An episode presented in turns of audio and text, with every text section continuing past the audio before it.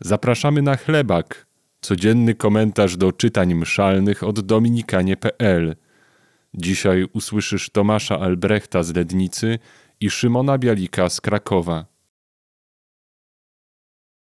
Z drugiej księgi Samuela.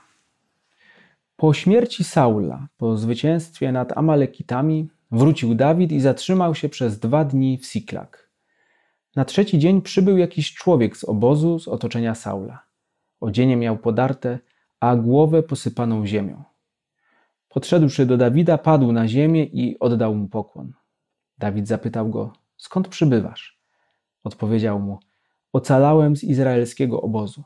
Rzekł do niego Dawid: Opowiedz mi proszę, co się tam stało. Opowiedział więc, że ludzie uciekli z pola walki, wielu z ludzi zginęło i że również ponieśli śmierć Saul i jego syn Jonatan. Dawid, schwyciwszy swe szaty, rozdarł je. Tak też uczynili wszyscy mężowie, którzy z nim byli. Potem lamentowali i płakali i pościli aż do wieczora z tego powodu, że padli od miecza Saul i syn jego Jonatan i z powodu ludu pańskiego i domu Izraela. O Izraelu, Twa chwała na wyżynach zabita. Jakże padli bohaterowie. Saul i Jonatan, kochający się i mili przyjaciele, za życia i w śmierci nie są rozdzieleni. Byli oni bystrzejsi od orłów, dzielniejsi od lwów. O, płaczcie nad Saulem, córki izraelskie. On was ubierał w prześliczne szkarłaty, złotymi ozdobami upiększał stroje. Jakże zginąć mogli waleczni wśród boju Jonatan przebity śmiertelnie. Żal mi ciebie, mój bracie, Jonatanie. Tak bardzo byłeś mi drogi. Więcej ceniłem twą miłość, niżeli miłość kobiet. Jakże padli bohaterowie, jakże przepadły wojenne oręże. Początek drugiej księgi Samuela zaczyna się od opisu śmierci Saula i przejęcia władzy przez Dawida. Po wielu latach w końcu wypełniła się wola Boża, aby to Dawid został królem nad Izraelem.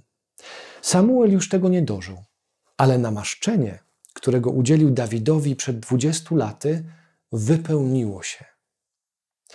Kiedy patrzymy na historię życia Dawida, to widzimy ciąg wydarzeń, w których boskie plany wplatają się w ludzką politykę. Szlachetne działania mieszają się z małością i porządliwością. Walka o władzę zderza się bezlitośnie z głęboką przyjaźnią, a przebaczenie ściera się nieustannie z pragnieniem zemsty.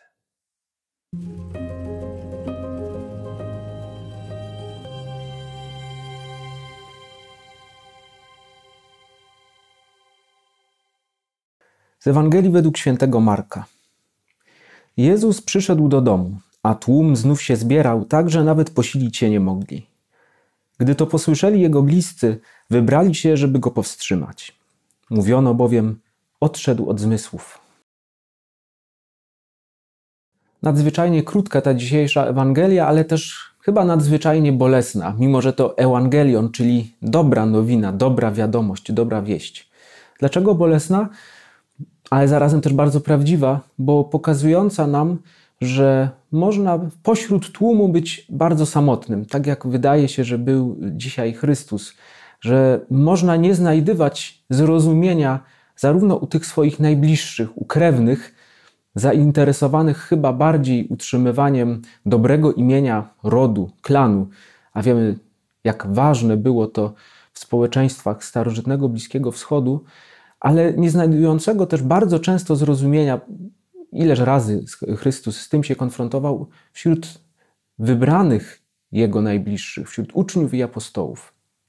Tak, męka naszego Pana nie zaczęła się dopiero w ogrójcu. Jego cierpienie towarzyszyło mu przez całe życie. Serca Jego najbliższych podrzemywały nie tylko wtedy w ogrodzie, gdy, gdy On pocił się krwią i bolał, właśnie nad zatwardziałością i podrzemywaniem naszych serc.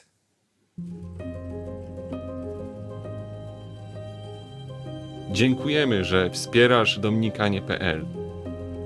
Potrzebujemy Ciebie.